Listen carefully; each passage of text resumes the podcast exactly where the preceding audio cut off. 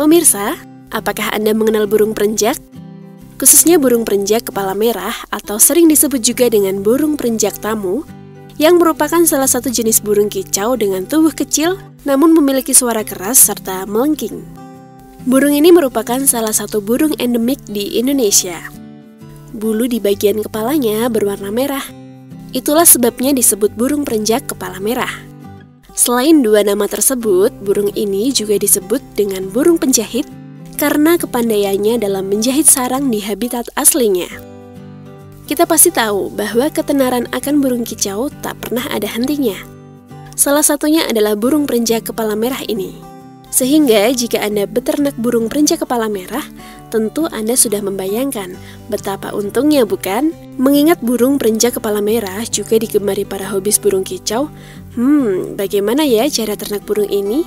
Yang pertama, persiapan kandang. Pastikan lokasi kandang jauh dari kebisingan, polusi, dan terhindar dari hujan dan dekat dengan sumber air. Anda dapat membuat kandang dari besi atau kayu dengan atap tertutup dengan ukuran yang lumayan besar. Tanami tumbuhan semak seperti rumput gajah atau tumbuhan serai. Pastikan bahwa kandang memiliki sanitasi yang baik dan bersuhu sekitar 25 derajat Celcius sampai 27 derajat Celcius. Berikan juga sarang-sarangan tempat mereka bertelur dan mengerami telur di pojokan kandang. Berikan juga wadah air, wadah makan, dan angkringan dari kayu di setiap sudutnya. Yang kedua, pemilihan indukan.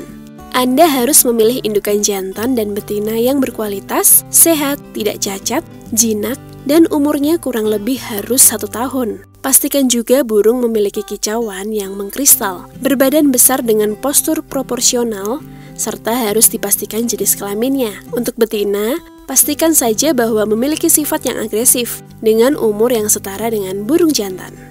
Yang ketiga, Perjodohan. Lakukan proses perjodohan atau mengawinkan dengan memasukkan 3-7 ekor indukan betina dan jantan dalam jumlah perbandingan yang sama. Pastikan bahwa semua burung mendapatkan pasangannya masing-masing. Apabila indukan jantan dan betina sudah berdekatan, tandanya perjodohan berhasil Anda lakukan dan Anda bisa melakukan perawatan hingga ada telur pada setiap sarangnya.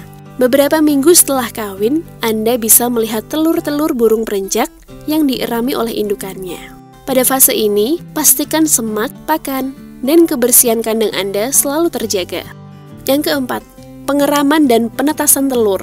Indukan betina akan melakukan proses pengeraman selama 11 hari, dan setelah pengeraman tersebut, anakan akan segera menetas. Pastikan kebutuhan semak dan makanan burung selalu terpenuhi ketika masa pengeraman. Lakukan juga pembersihan kandang beberapa hari sekali. Yang kelima, penyapihan dan perawatan anakan. Anakan dari burung perenjak harus disapih dan mulai dipisahkan dari indukannya sebelum umurnya mencapai lima hari untuk menghindari agresifnya indukan yang bisa membuang anakan tersebut.